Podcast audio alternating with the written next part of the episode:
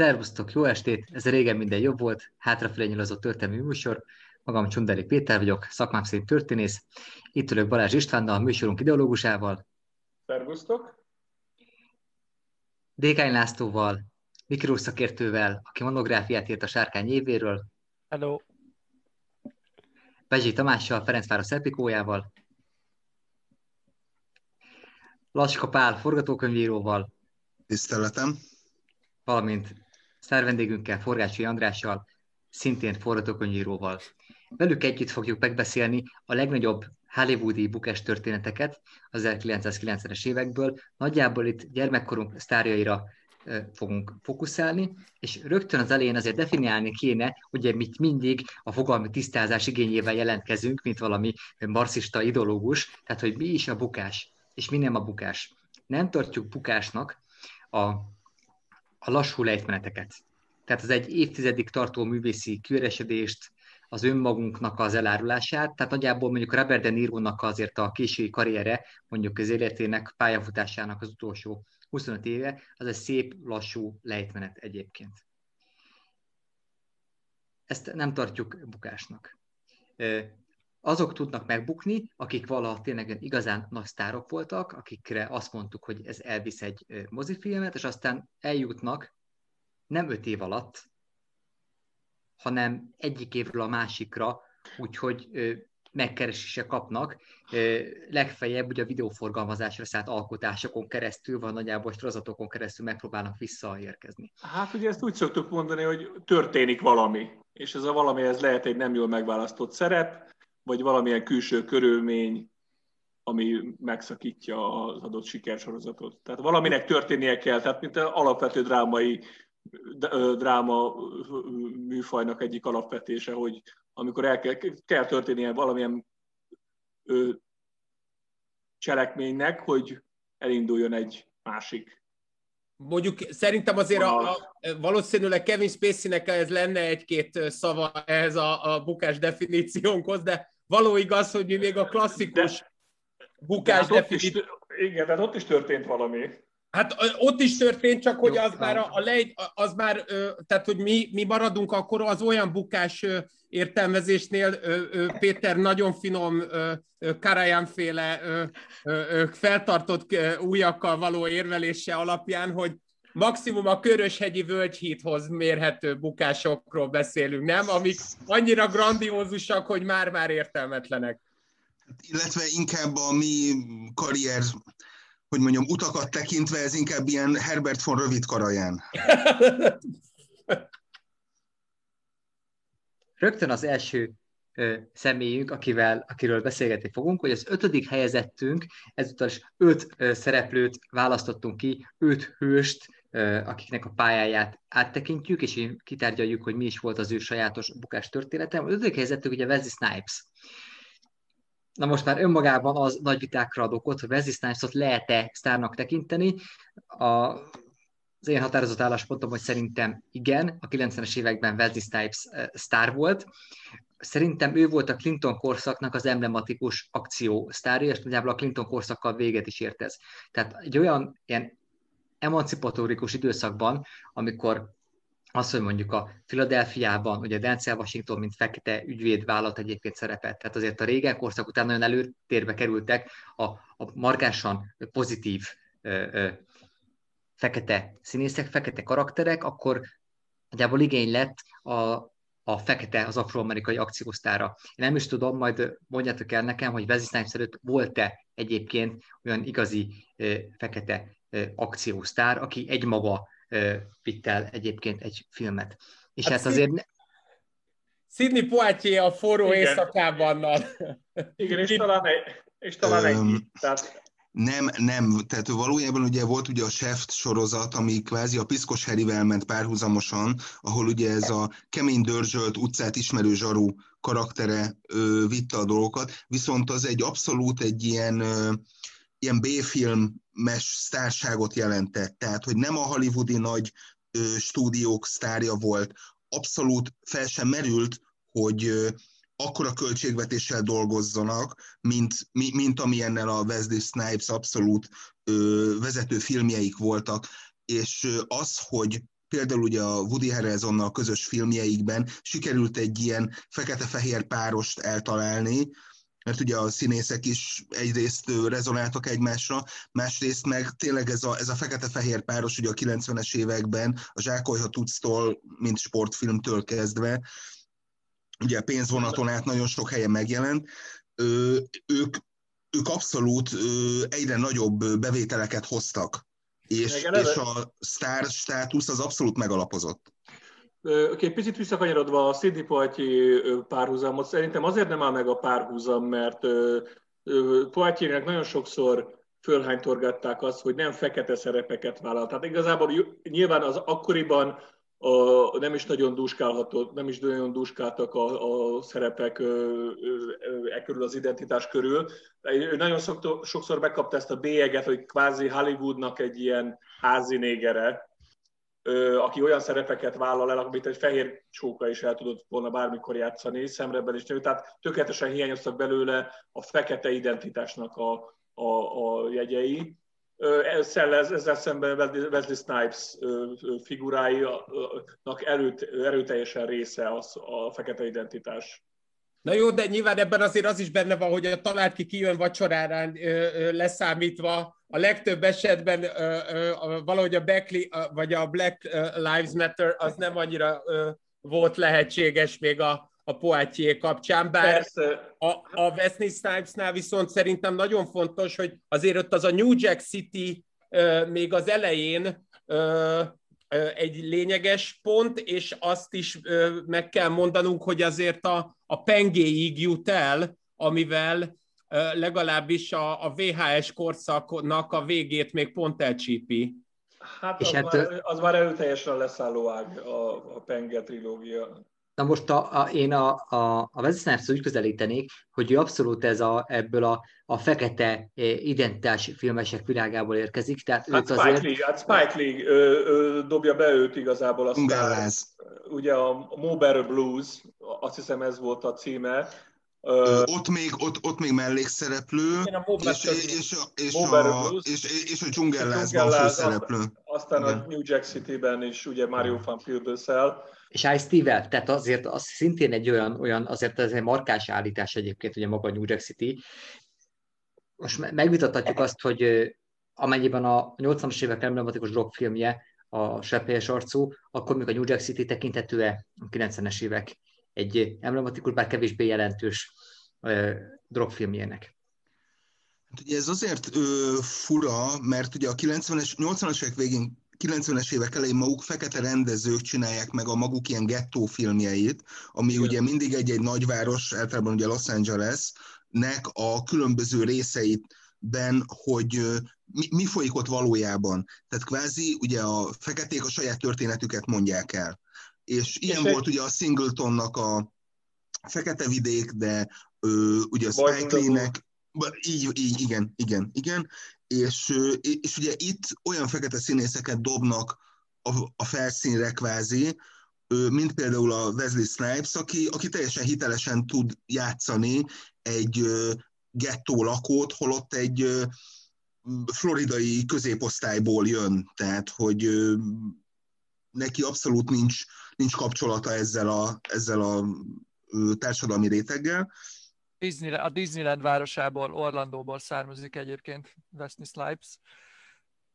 De hogy, hogyha már arról, arról beszélgetünk, hogy akkor ő szupersztár volt-e vagy sem, vagy hogy hol, hol, hol volt a csúcs, és aztán, aztán hova jutott el, azt azért fontos megjegyezni, hogy e, erre a, erre a dologra, ami, amiről ti beszéltek, még rákerült egy layer, tehát hogy a Wesley Snipes egy, egy, egy martial artist volt, tehát egy, ne, nem, egy, nem, egy, nem egy ilyen átlagos, fekete utcai, dörzsölt karakter, hanem ezt azért ahhoz, hogy egy ilyen Clinton korszakbeli szupersztár státuszt elérjen, ezt meg kellett pakolni egy ilyen, egy ilyen harcművész, harcművész layerről, ami, ami még rárakódott. Lényegében egy olyan, olyan fekete ninja volt, akinek ehhez nem volt szüksége fekete ruhára.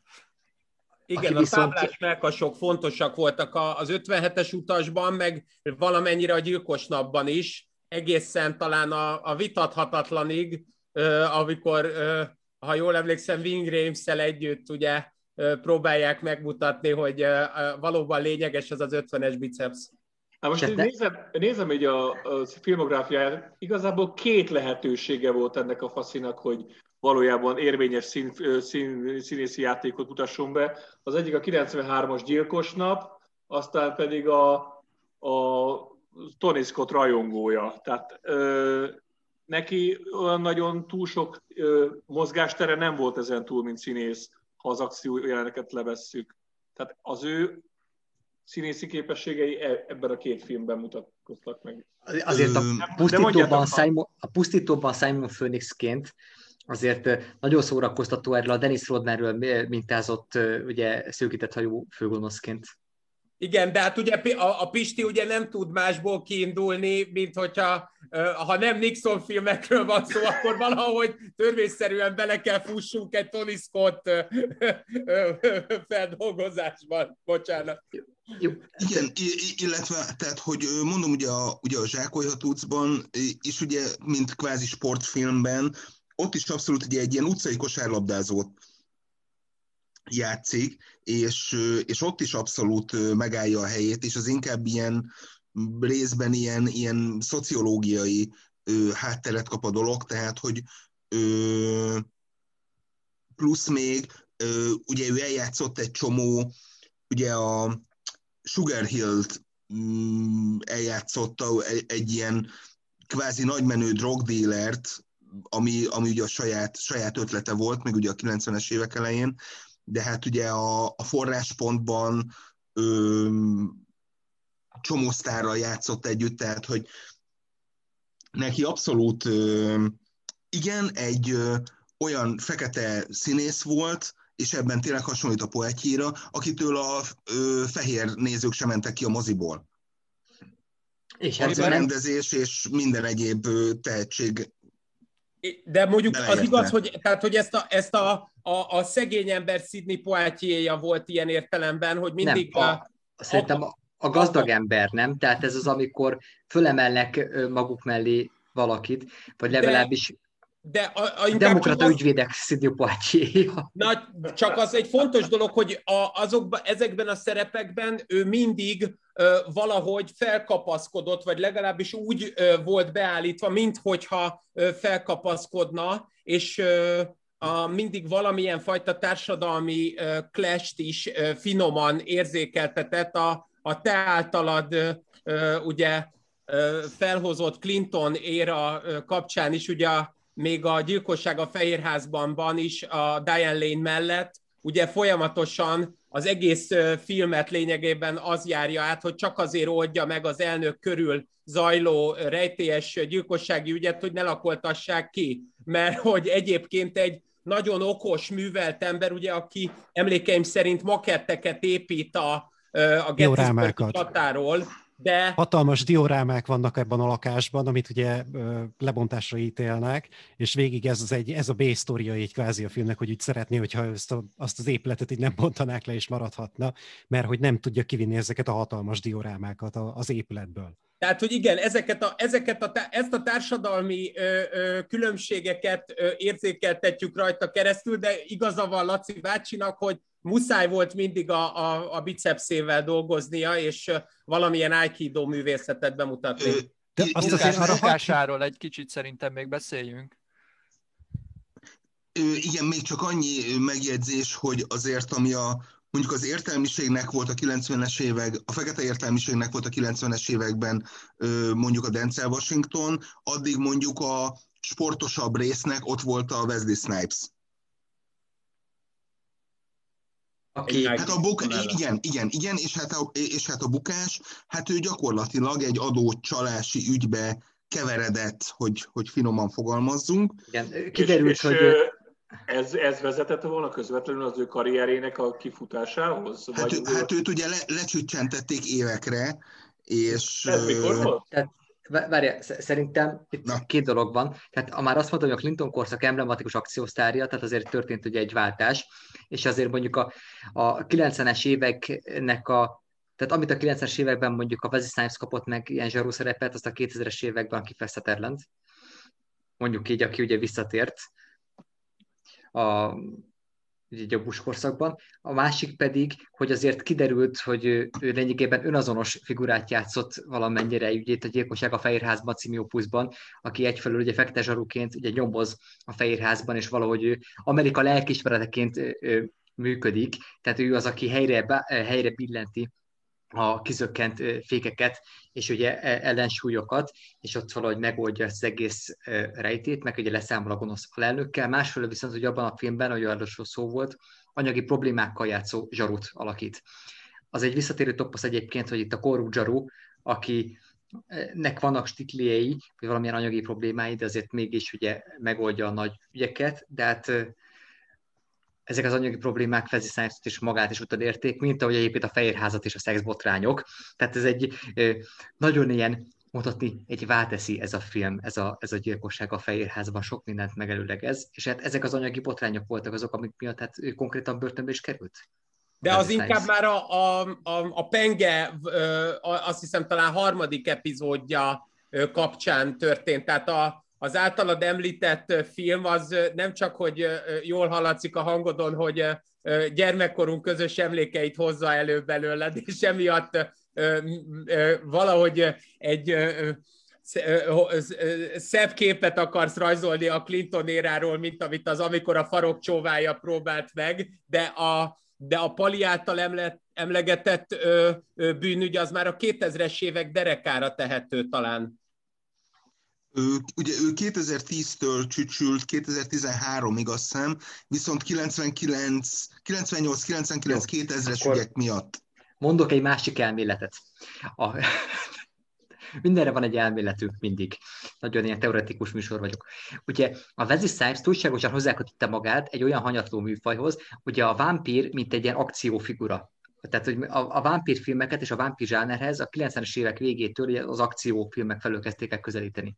És ez a történet rendváltás... Tegyük hozzá, hogy egy Marvel hősről van szó, tehát, hogy még jócskán évekkel megelőzve ezt az egész képregény közös univerzumos dolgot, ez egy ez Marvel képregénynek volt az adaptációja. De és, és, ez, ugye... még, és ez még a Matrixnak a farvizén igyekszik, ugye esztétikailag is ja, Esztétikailag a Matrix, egyébként ugye akkor megelőzi legzi ugye a Marvel képregény feldolgozásokat, viszont túlságosan ugye a vámpírt akciósztárként kezeli, akciófiguraként, és pont történt egy olyan fordulat, amikor ez a posztromantikus fordulat, amikor a vámpír átértékelődött, egy ilyen romantikus figura lett belőle, ugye Kamas Zsánár lett az egész Twilight széria, és emiatt ő a műfajjal együtt bukott el, és felejtették el.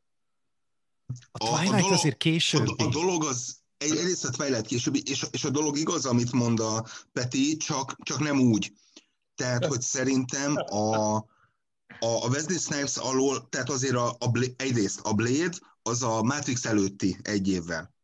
Ö, tehát, hogy gyakorlatilag az, az, az volt az orvíz. Ö, valamint a, a Blade 2 az még siker volt 2000, 2001-ben. Ö, gyakorlatilag az a fajta akció layer fogyott el, amit a Laci mondott, hogy egész egyszerűen már nem volt szükség akciósztárokra, és elkezdődött ugye már az a folyamat, hogy a, az írók, forgatókönyvírók, azok a tévébe kezdtek áramlani. És a mozikban egyre inkább az ilyen harcmestereszerű, ilyen, ilyen békat ö, részek tapadtak meg, és nem volt ö, megfelelő történet, megfelelő ö, karakter, megfelelő figura a Snipesnak ehhez a picit öregedő, picit már nem annyira sportos, de még az igazságbajnoka szerű dolgokhoz. De az fontos azért lezáróan mondani, hogy nem, azért nem kellenek már akciósztárok, mert lehet gyorsabban vágni. Uh, szeptember 11 megölte a műfajt. Tehát, hogy ott ennyi, van egy, egy... Ennyi, így van. Így. Tehát, hogyha Tehát emlékeztek, még az utolsó Schwarzenegger így. film a, a, a, a körzetből, az a, nem is jut eszembe a címe per pillanat, amiben egy tűzoltót játszik, amiben egy... Collateral abszolút... damage. Igen. Pontosan, hogy van egy, van egy újrajátszása a, a szeptember 11 traumájának, és az a film már nem is volt siker pedig megpróbálták a 90-es évek akciófilm eszközeivel ezt valahogy feldolgozni, de nem jött össze. Tehát azt mondhatjuk, hogy Wesley esetében egy adócsalási ügy keveredett egy korszakváltással, és így mikro és makro szinten is vége lett a karrierjének ennek az embernek. Csak még az András gondolatához egy, egy mondat, hogy egy, egy nagy robbanás, egy felrobbanó épületnek más lett az optikája szeptember 11 után. Egyébként, a... bocs, ez nagyon érdekes, hogy behozzátok, mert hogy a szeptember 11 az nem, nem csak, hogy a műfaj tölte meg, hanem konkrétan majdnem Wesley Snipes-ot is. Mert én úgy tudom, hogy a, hogy a, a, le, a ledőlő toronyházak mellett összedőlt egy olyan épület, amiben neki lakása volt, csak éppen nem volt otthon. Csak a diorámái. Menjünk a negyedik helyzetünkhöz. Nem más, mint Charlie Sheen. Ugye? Na, hát, őt legalább nem kellett sehova se lebombázni. Tehát ő legalább, ő legalább, ő legalább onnan, onnan két lábbal a, a, a, a földre érkezett. Na most... A trambulinról, a trambulinról. A trambulinról. Mesztelenül. Tagadhatatlan, tagadhatatlan Charlie Sheen játszott a legerősebb filmekben a mai bukott szereplőink közül, elég csak a szakaszra utalni, vagy a tűzőcápákra. Másról viszont kérdés, hogy játszott-e.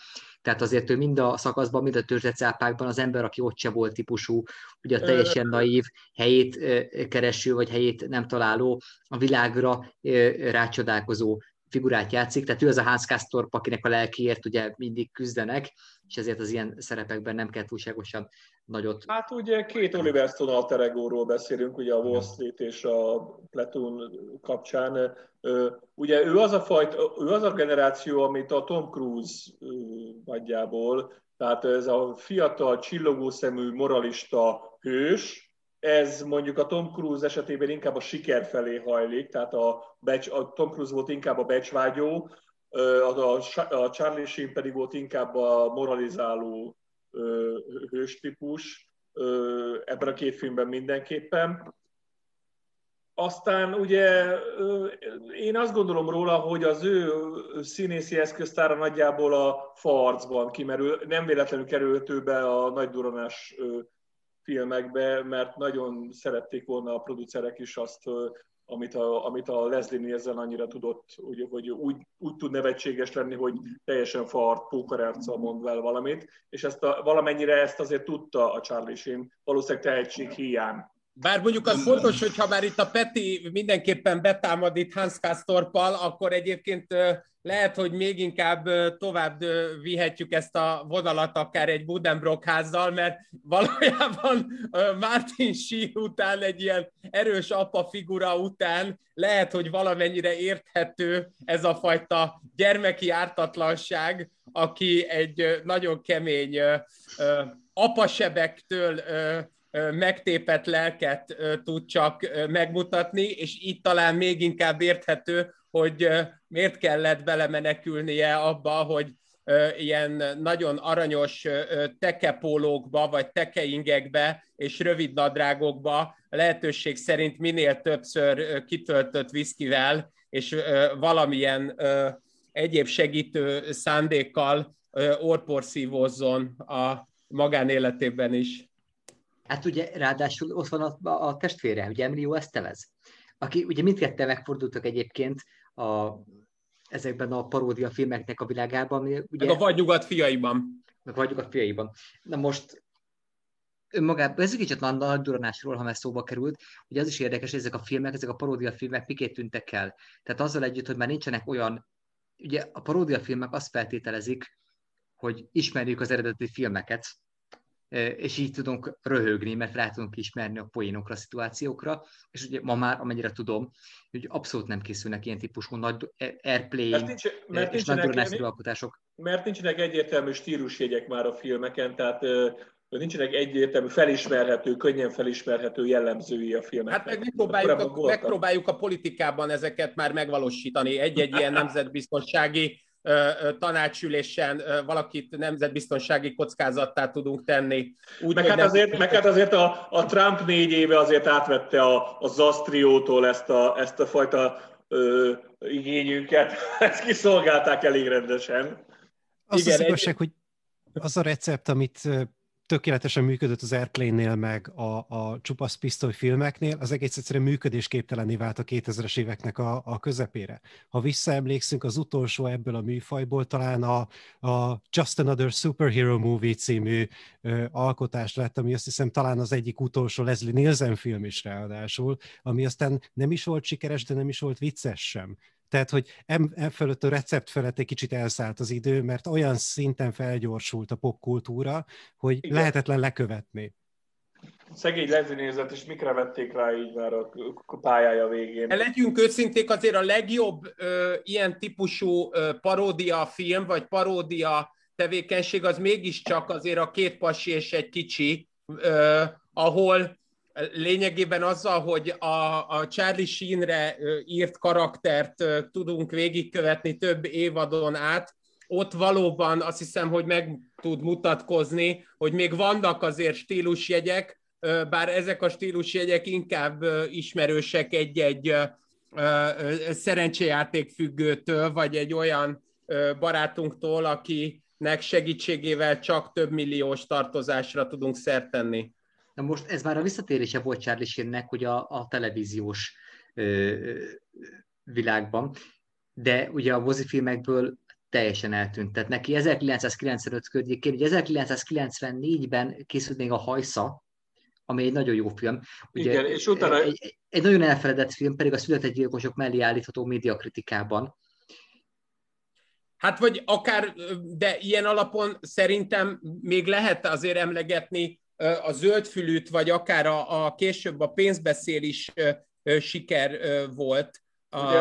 De pont az a, hajszal, a probléma, hogy abban nem volt Charlie Sheen. Tehát a hajszal az, az 94-es, ugye aztán igazából neki volt 97-ben egy ilyen árnyék összeesküvés című film. Szerintem az volt neki igazán a nagy reccs, megrecsenés, mert az olyan rettenetesen rossz. A, a, a pénzveszélnél ő már teljesen kokain függő volt ő konkrétan nem emlékszik arra a filmre, hogy azt ő forgatta. Jó, de erre, és ezzel Ozzy Osbourne, a, ezzel Ozzy Osbourne is Én nem emlékszem, hogy láttam. Ezek a, fi, ezek a filmek és dátumok, amiket most soroltok, egyébként tökéletesen egybevág az én elméletemmel, amit ugye már a műsor előtt megosztottam veletek, hogy onnan lehet tudni, hogy egy, hogy egy filmsztár buk, bukott, és el, elkezd zuhanni a csúcsról, amikor így nézed a filmográfiáját, odaérsz, odaérsz egy filmhez, látod, hogy szerepel benne, ott a neve, és mellette a karakter neve helyett csak annyi szerepel, hogy himself, vagyis hogy önmag, önmagát játszott egy adott filmben, és ez Charlie Sheen-nél egyébként, ha jól látom, ez, a, ez az 1999-es év, amikor három, három filmben szerepelt, és abból kettőben önmagát játszotta, tehát lényegében cameózott, bohóc volt, nem, tehát már nem, nem karaktert hoz, hanem, hanem ő maga a látványosság, mert, mert egyszerűen már, ő, ő már nevetünk rajta. 96 hét után már nem, már nem mertek rábízni szerep, főszerepet, mert nem jelent meg a forgatáson, nem volt ö, valamikor nem is tudta, hogy aláírta azt a szerződést, tehát hogy tökéletesen megbízhatatlan lett. Hát az, ugye meg egy hollywoodi kép, gépezetben az meg úgy nem, nem kifejezetten jó, és, ezt, mondjuk, ezt mondjuk mi is, mi is ismerjük a magyar, magyar internet szolgáltatók világában, néha nem, nem emlékszünk rá, hogy aláírtunk bizonyos szerződéseket, de hát... Igen, igen. Jó, de legyünk őszinték, ez a Pénzbeszél című filmet még azért olyan komolyan művészet kritikai szempontból nem érintette, hiszen ott az még talán segített is neki, hogy két, egy, két, két kokócsik között egy picit egy ingerültebb státuszta még nem jut el a következő anyagig, akkor tudtak vele forgatni, mert úgyis csak egy folyamatos ingerültséget kellett vele fölvenni vele. Hát, hát ha megnézed a filmet, látszik, hogy minden jelenetben gyakorlatilag egy ilyen utcáról betévet idegent játszik. Tehát, hogy a fogalma nincs, hogy hol van.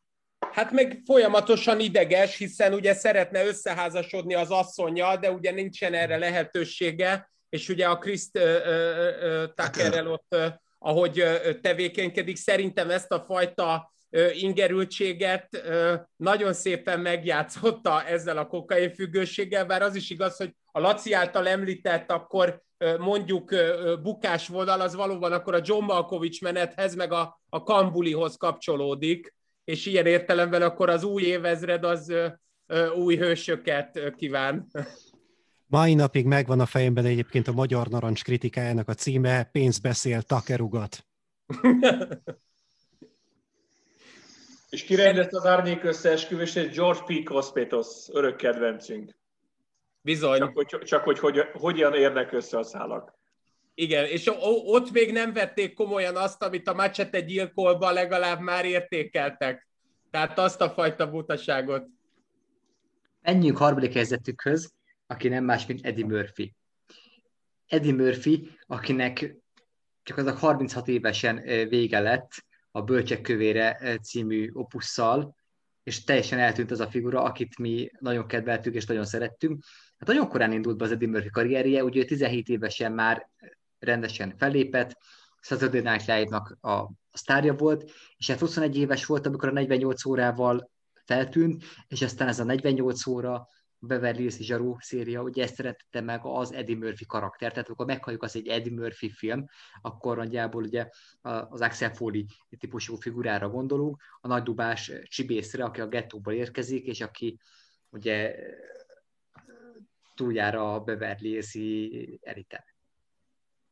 De az fontos, hogy ezek a filmek szerintem ilyen értelemben egy kaptafát jelentettek, bár az Axel Foley karakterét lehetne valami többnek tekinteni, bár Pali majd úgy is elmondja, hogy azért ez dobálódott 28 színészen keresztül, mire megtalálta végül Eddie Murphy-t. Én azt félek, hogy az Eddie Murphy-be rejlő bukás az azért nem egy valódi trauma, mert ő maga nem feltétlenül élhette meg olyan traumaként, hogy, hogy kiszeret, tődött ebből a, a fiatal karakterből, amely fiatal karakter egyébként valóban a szerepcsere a 48 óra idején abban öltött testet, hogy lényegében játszott olyan finomságokkal is, hogy az utcán lerakta a cipőjét, legalábbis egy tavaly megjelent a, a 80-as évek vígjáték sztárjainak a, a pénzszerződéseivel kapcsolatos könyv szerint, hogy lerakta akár az utcára a cipőit, és akkor ment egy kicsit mezitláb, majd vásárolt megint valami luxus terméket, szóval hogy igazából valami teljesen neodadaista, avantgárd művészeket megszégyenítő tevékenységgel nem tudta kezelni azt, hogy ő valójában egy sztár, és ilyen értelemben az egyetlen hiteles, valóban a társadalmi mélységről számot adó tevékenység az az lehetett, amikor a megint 48 órában ugye legalább annyit mond a szegények védelmében, hogy higgye el a Nick Nolte, nem arról van szó, hogy a társadalmi kényszerek teszik őt bűnözővé, de ha a szar olyan jó lenne, akkor a szegényeknek nem lenne segluka. Ezzel az egy mondattal én azt gondolom, hogy megadta azt a kegyelemdöfést, amit azóta a büntető populizmus folyamatosan keres. Na, tehát, hogy ugye Eddie Murphy abszolút egy ilyen csoda gyerekként indult, ugye kvázi ugye a 70-es évek nagy fekete komikusának, ugye a Richard Pryornak a nyomdokain, és, és ahogy mint ahogy ő ezt többször is ö, nyilatkozta, hogy abszolút egy ilyen szerepmodellként tekintett a Pryorra, és ö, viszont ahogy ö, igen, De nem ugye a... használt annyi kokaint. A Richard Pryor életpálya modell magába foglalja ezt is, tehát... Jó, igen, igen, igen. A, az élet elég hosszú, csak nem elég széles. A Magyar Művészeti Akadémia tiszteletbeli tagjának kéne választani Richard Pryor-t. És ha megnézzük, Legalább posztumus, igen. És ha megnézzük Eddie Murphy korai karrierét, hogy kik nyúltak a hóna alá, kik dobták be őt az A kategóriába, tehát ezek az, akikről olyan sokat szoktunk beszélni, hát ezek a régi, jó öreg, szőröstökű profik, ugye Tony Scott, a, a Beverly Hills Zsaru 2-vel, Walter Hill a 48 órával. Így van, és...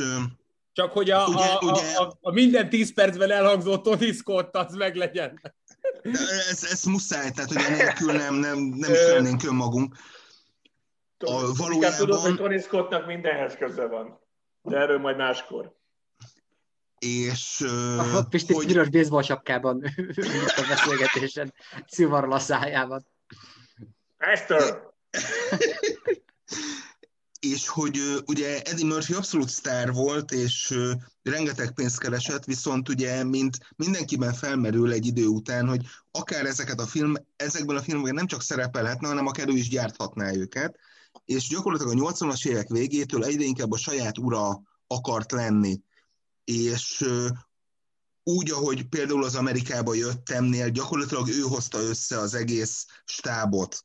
Ö, ő, ő adta el a projektet, ahogy a, a Harlemi éjszakákat gyakorlatilag ő egyedül ö, fogta össze az egész dolgot, az ő ötletéből készült a forgatókönyv, ö, de, de ez, ez még a 90-es években is megmaradt ez a fajta teljes kontroll.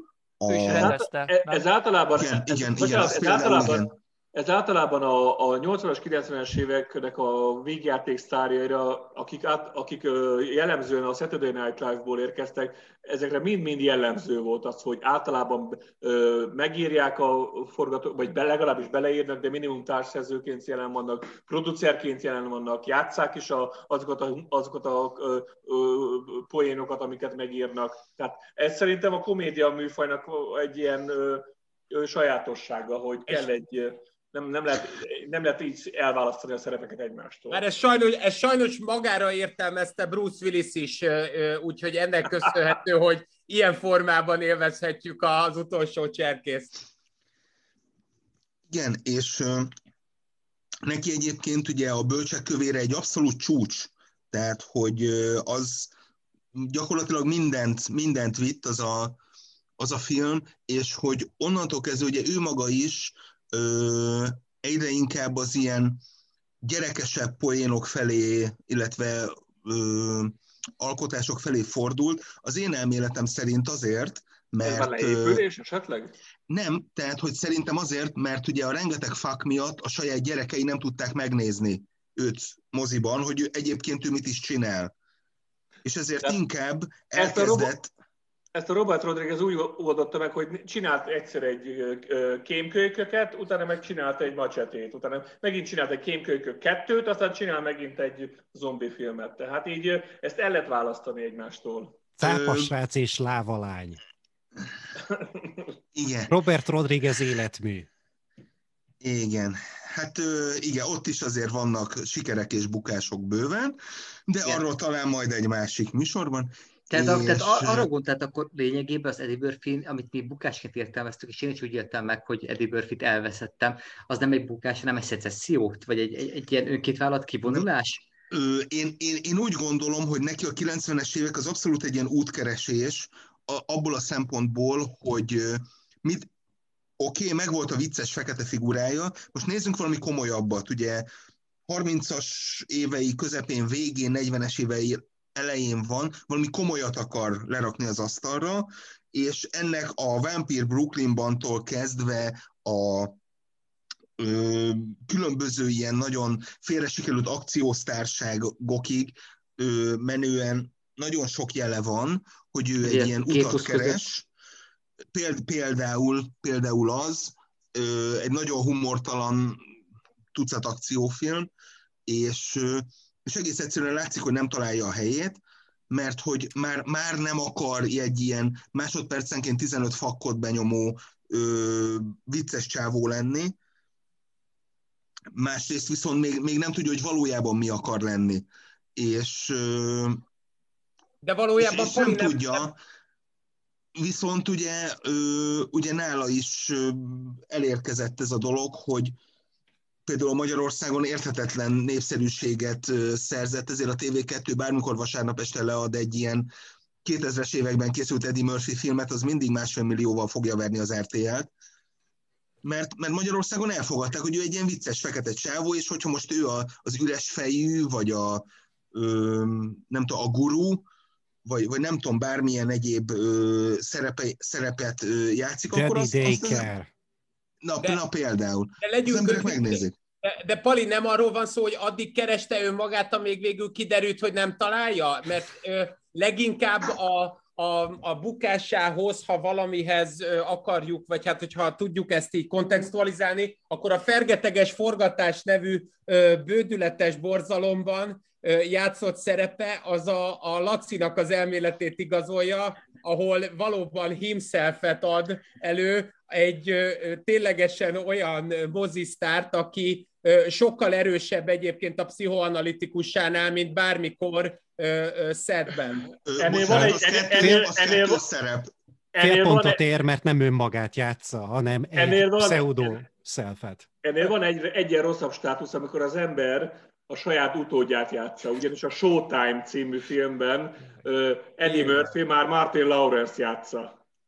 Tényleg. Ez szerintem egyen, egyen lentebb van. És, és, és egyébként, ahol egyébként összeérnek a dolgok, az ugye 2007, ahol a Dreamgirls-ért ugye Oscar, Oscar díjra volt jelölve, mint legjobb mellékszereplő, és az a baj, hogy ugyanebben a, az Oscar ö, kampány időszakban jött ki a Norbit című filmje, ami meg ez a tökéletes, hát ilyen, ilyen, ilyen pos, ö, Antitézise a jó ízlésnek. Hát ilyen, ilyen, igen, igen, ilyen, ilyen pisikaki viccek, igen, igen, igen, igen. Mond, Tegyünk hozzá, ezt. Ha, hozzá, ha már ugye itt így legalább igazolja Pali azt, hogy miért is fordult a családja felé Andy Murphy az új filmjeivel. Várjál, a 2007, 2007-re lehet, hogy felnőtt a gyerek, tehát hogy addigra már 18 éves lett, és akkor megint visszatért. Hát nem tudom, neki, neki valami 7-8 gyereke van, azt hiszem három vagy négy nőtől, tehát hogy ő azért így minden megtesz azért, hogy, hogy Brooklyn azért egy élhető hely legyen.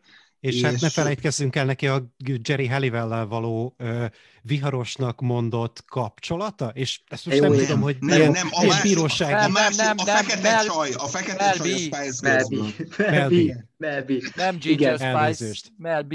És amikor egy színész összön egy énekesnővel, akkor annak mindig rossz vége van. Tehát ez nem szokta általában nem inspirálni a karriereket menjünk és hát a második... volt a Pluto Nash.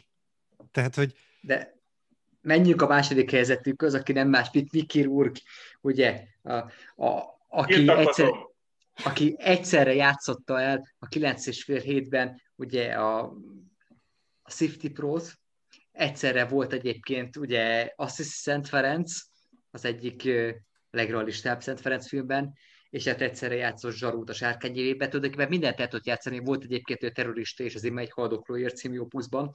Most a, a Mickey a karrierje a 80-as években, 90-es évek elén, nem volt olyan szerep, amit ne játszott volna el, nagyon magas szinten, és aztán ott hagyta az egészet. Tehát, hogy a Michael Jordan ott hagyta a kosarazást, és baseball karrierbe kezdett, Mickey Rourke úgy döntött, hogy profi boxolói karriert indít el. Nem tudom, hogy ez már nagyjából egyébként annak következménye lehetett, hogy őt eléggé kiutálták, tehát az, Igen, hogy a 9-es pilét forgatásán ő egy orbitot nem volt hajlandó bevenni egyébként, hát és így fűztette a piától, meg a cigitől. Wrigley's, akkor még a volt a Mert úgy azért legyünk őszinték, tehát a 9 és fél hétben azt a fajta tényleg Franco Cefirelli, vagy nem is tudom, Bernardo Bertolucci mélységet nem biztos, hogy meg kellett volna mutatnia, vagy meg tudta volna úgy mutatni, mert hogy azért annak a filmnek a, a jelentőségét talán az HBO késő esti műsorsávjához tudjuk csak hasonlítani, ott a vörös cipellők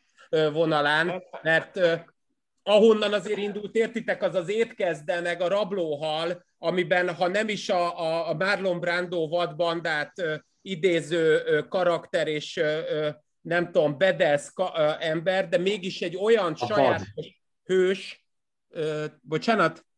A vad, nem ez volt a címe annak a, a Marlon Brando filmnek. Elnézést, így van. Bene, Benedek László rendezte 1950-ben. És, és hát, való, csak mivel magyar volt, ezért mindig el szoktam felejteni, mert csak a nerlovagokat jegyzem meg, ne haragudjatok, de a, a lényeg azért mégis csak az, hogy azért a 80-as évek végén a Mickey Rourke ö, ö, olyan ö, ö, finomságokkal tud játszani, mint az angyal szív, ahol egyébként még a Robert De Niro is azt mondta, és azt is nyilatkozta akkor róla, hogy rendkívül jó és nagyon finom ecsetkezelésű színész.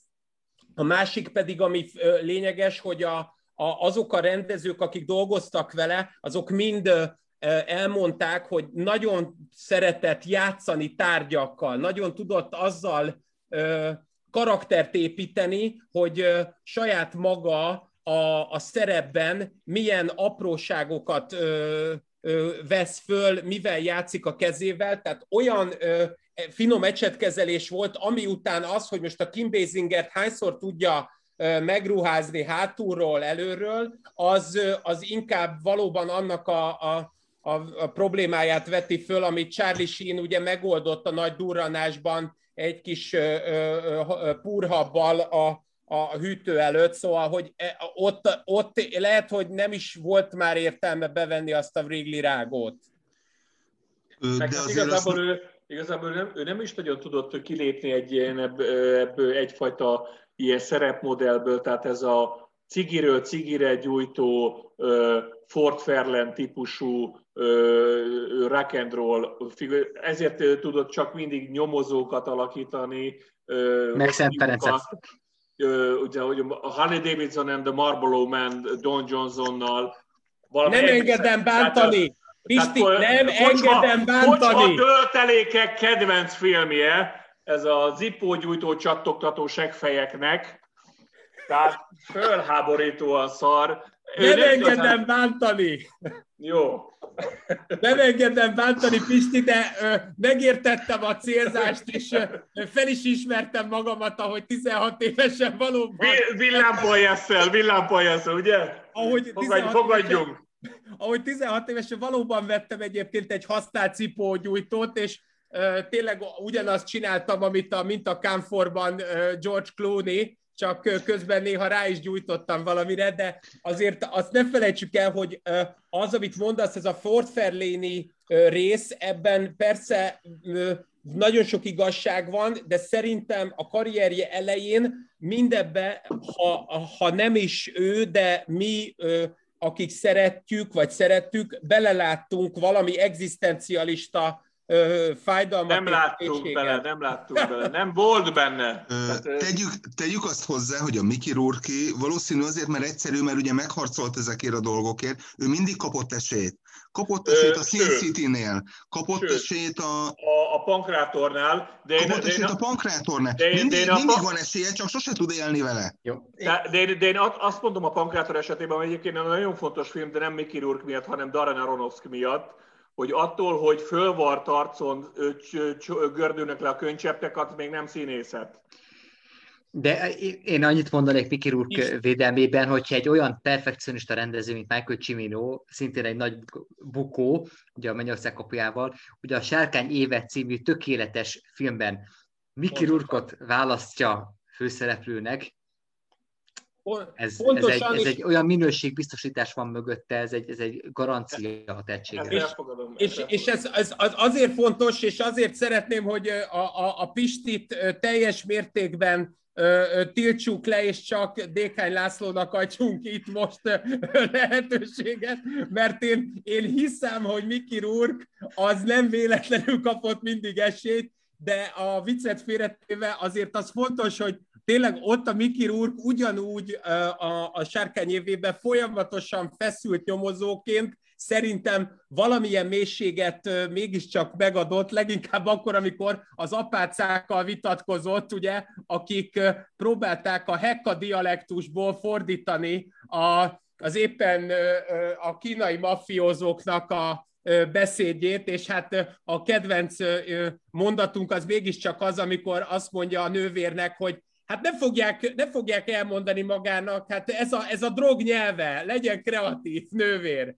Úgyhogy ott azért lássuk be azt a kalapot úgy hordani, azzal az össze, összes hajjal, az fantasztikus. És hát, hogy az anyaszív kapcsán említsük meg, hogy Lovasi András 11-szer látta azt a filmet, a Földkaland ilyesmi Unalomból. Igen.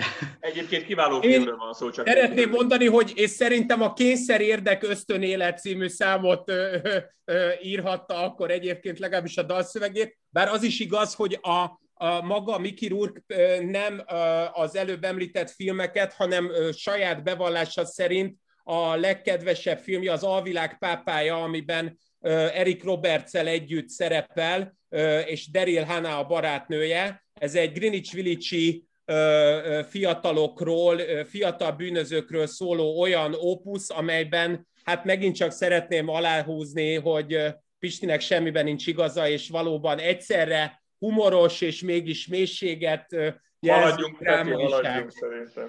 Na most ugye Miki Rourke-nak a, hát ugye a magánélete enyhén szóval zűrös volt, meg a hozzáállása, hogy általában a környezetéhez, de most az első helyezettünk Kevin Costner, egy, egy fetetetlen ember, aki csak annyit mondok egyébként, hogy a zenekarának neve Kevin Costner and Modern West, ugye ő az, aki a farkasokkal táncolóval 1991-ben 36 évesen megrendezett egy olyan filmet, amelyet... Amit Michael Cimino-nak kellett volna megrendeznie. Igen.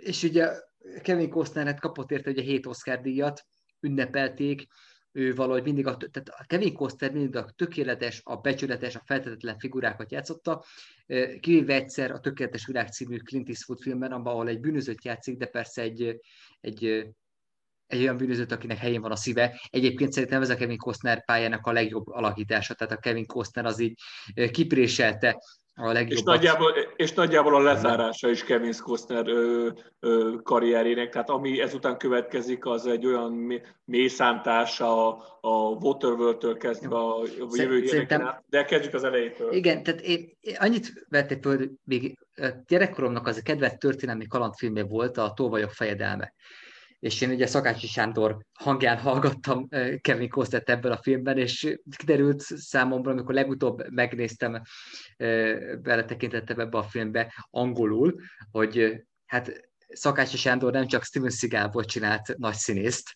a, a filmbeiben, hanem Kevin Costnerből is, mert hogy az a teljes karizmátlanság, az, az a fátyorosság, ami Kevin Costner maga a saját hangján, összevetve Szakácsi Sándornak a, az erejével. Tupírozott haj, eleve, tehát...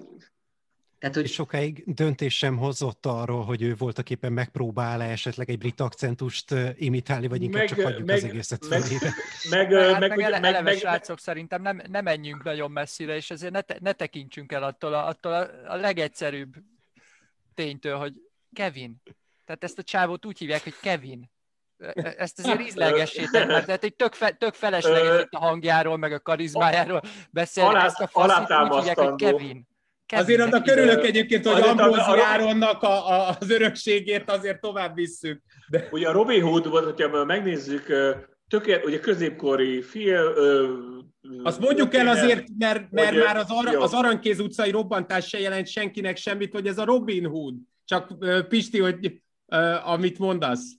Tehát, hát, hogy ez vagyok fejedelmeként volt. A Péter mondandójához vissza, visszacsatolandó, tehát tökéletesen hiányzik belőle ez a fajta mocsok, ami, amit egyébként a Mel Gibson tökéletesen meg tudott teremteni mondjuk a rettenthetetlenbe.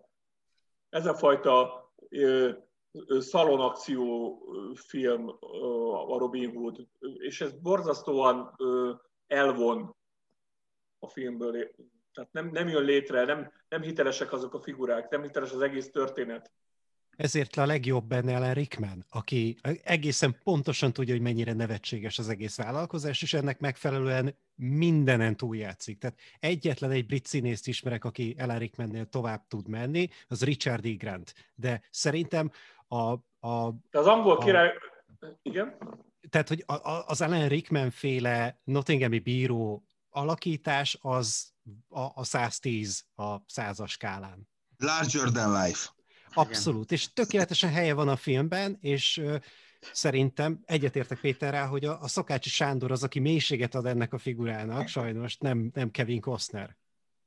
Jó, csak az fontos, hogy, hogy azért itt a, a film önmagában szerintem azért is borzasztó, mert a sztoria és egyetlen a, kialakítása a narratívának már önmagában magában hordja ezt a rettenetet, amit a Pisti mondott, szóval azért nem volt egy Terry Jones könnyed középkor, tehát nem volt az az érzése az embernek, hogy a, a, azt a fajta középkori ö, ö, helyzetet legalább vagy humorral, vagy drámaisággal kezelje, és ilyen értelemben viszont az összes filmje pontosan ugyanezt a struktúrát képviseli, ahol ő mindig valamilyen szépséges és a, az idealisztikus képnek megfelelő karaktert ahogy az, ameri- ahogy az amerikai elképzelték Jó, a tehát, a, tehát, azt körülbelül. De hogy egyébként a Kevin Costner, tehát ő a, a ő Harry Fonda szerepét örökített, örökölte meg, nem? Tehát azért a, ő a becsületes amerikai, tehát hogyha megnézzük, tehát a... A Harry Fonda egy... legalább eljátszotta, a, a, volt egyszer egy vagy nyugatban azt a hőst, aki... Igen. De nem véletlen, hogy élete legjobb alakítása, hozzáteszem, Sinkovics Imre szinkrohangja szintén sokat hozzátesz az alakításhoz, pláne amikor alá szinkronizálja a köpést, tehát tisztán hallatszik a, a most már hallotta a nevemet előtt, hogy a Sinkovics Imre csulázik egyet egyébként ugye a szinkros stúdióban, és nem Harry Fondát halljuk. Bizony, a Lubumba Ez... utcában, igen. Jó, de úgy azért a... Tehát a... Ugye három, három olyan sikerfilmről beszélünk egy-két éven belül, ugye a, a Robin Hood, a Bodyguard és a JFK. Jó, várjál, három... aki, aki legyőzte a kaponét. Az ugye 89-es. 1987-es. 87-es, bocsánat. Több mint testőr, ahol szerintem a Kevin Costner maga ragaszkodott az, hogy Frank Farmer legyen egyébként ugye a karakternek a neve. De legalább pontosan ugyanannyira bonyolult ugyanannyira bonyolult volt, mint a Robin Hood. Igen, és aztán ugye, ugye a Robin Hoodot olvaj a fejedelme, és aztán végül tökéletes világ zárul. Bocsánat, tehát, hogy baseball bikáknál kezdünk. 88-ban. Sőt, még 87-ben a Nincs kiút, ami akkor keresett 100 millió dollárt egy sima krimivel, ami számomra mind a mai napig érthetetlen. Ö... Ezt nem tudom, hogy miért mondod, hogy érthetetlen, hiszen az megalapozta szerintem az összes olyan John Grisham típusú krimit, ami miatt a 90-es években néztük ezeket a filmeket. A Nincs kiútban egy klasszikusan ö, ö, fiatal, ö, megint csak egy elfű karaktert látunk, aki folyamatosan rohangál, és egy nagyon limitált idő intervallumban próbálja megoldani a megoldhatatlan helyzetet, ami a Tom Cruise-nak a cégéig bezárólag rengetegszer ismétlődik, és egy ilyen sajátos dogmafilm a hollywoodi kontextusban nézve, nem? Ö, igen, nem. Tehát, ö, tehát, hogy igen, tehát, hogy Kevin Costnernek tényleg egymás után gyártja 5-6 éven belül a egyre nagyobb sikereket, sőt, közte van ugye a farkasokkal táncoló, amivel a mennybe megy. Igen, ugye, és ekkor szeret bele egy olyan formátumba, amiben, amiben Michael Cimino is beleszeretett, és ugyanaz lett a, vég, a, vég, a vesztük, a végzetük, hogy teljesen eltűntek a térképről. Bár ez Kevin Costnerre kevésbé igaz, hiszen ő a 2000-es években a Mr. brooks és és a legutóbbi filmjével, az Elit játszmával, ami, ami Aaron Sorkin rendezett és írt, abban elég szépen azért ilyen picit töredezettem, de azért mégiscsak egy picit vissza tudta építeni a karrierjét. Illetve a Highwayman-nel a Netflix. Illetve, így, így van, és a Yellowstone de... című sorozattal, de, de azért alapvetően a 90-es évek második felének volt egy óriási mélyszántása. Jó, azért, a, a, bocs, a jövő nem lesz... hírnöke. Igen. Hogy legyen azért, megemlítve. Az, az, ne haragudj, Péter, én nagyon hiányolom, hogyha itt Clintonéra meg minden, és gyermekkorod emlékei, hogy nem hozott föl, hogy a heti hetesben Gávölgyi János hányszor hozta föl, hogy egyébként mennyire szar film a farkasokkal táncoló, és azért azt is föl kell vetnünk, hogy a farkasokkal táncoló, amivel mennybe megy, azt egyébként pontosan annyira nem nézzük, mint amennyire a Csiminónak a Mennyország kapujában című alkotását. Csak a Mennyország kapuja bukás volt a farkasokkal táncolót, meg ünnepelték, hogy itt a vége a Kevin Costnernek... Ugye és, itt a, a, és, az, és, az, és az egyik legambivalensebb filmje a Kevin Costnernek az a vízivilág, ami bár óriásit bukott, pont ma délután sikerült meg, újra megnéznem, az egy kitűnő film. Az, az egy film a mai napig működőképes, élvezetes, jól néz ki. Sok volt Kevin Costnerből az, azt megelőző években. Ez a helyzet. Ez elég egy bukáshoz, csak hogy visszacsatoljak a kezdésre. De hát, ugye ez egy akkora bukás. bukás volt, hogy én a központi antikváriumban találtam egy albumot is, Kevin Costner Hollywood Hercege címmel adták ki 1993-ban. Szerzői kiadás fe, fe, fehér, nem, fehér van, és egy, talán egy szalmaszál is van egyébként ugye a szájában a Kevin Costnernek. Ilyen, Tehát... ilyen Wyoming állam. Bizony, bizony ez, ez minden, minden gyenge, gyenge hajszálokkal rendelkező, de egyébként férfiasságára kényesen ügyelő hiú ember, aki a, a kényszerű ö, sorozások miatt elvesztette a hajának egy jelentős részét, az komolyan vette ezt az alkotást. Mert akkor még az SDS nem tudta el megoldani. És aztán ebből lett ugye a vízivilágnak a bukása, hát itt ugye vizen forgattak, az egy, már axiomaként kezelhetjük azt, hogy ugye... Azt csak James Cameron tudja csinálni, senki más ezen a földkerekségen. De a Pisti akkor nem is fog mondani semmit a JFK-ről? Tehát akkor ezt így nincs meg... Rá idő, babám, nincs rá idő, tehát azt majd...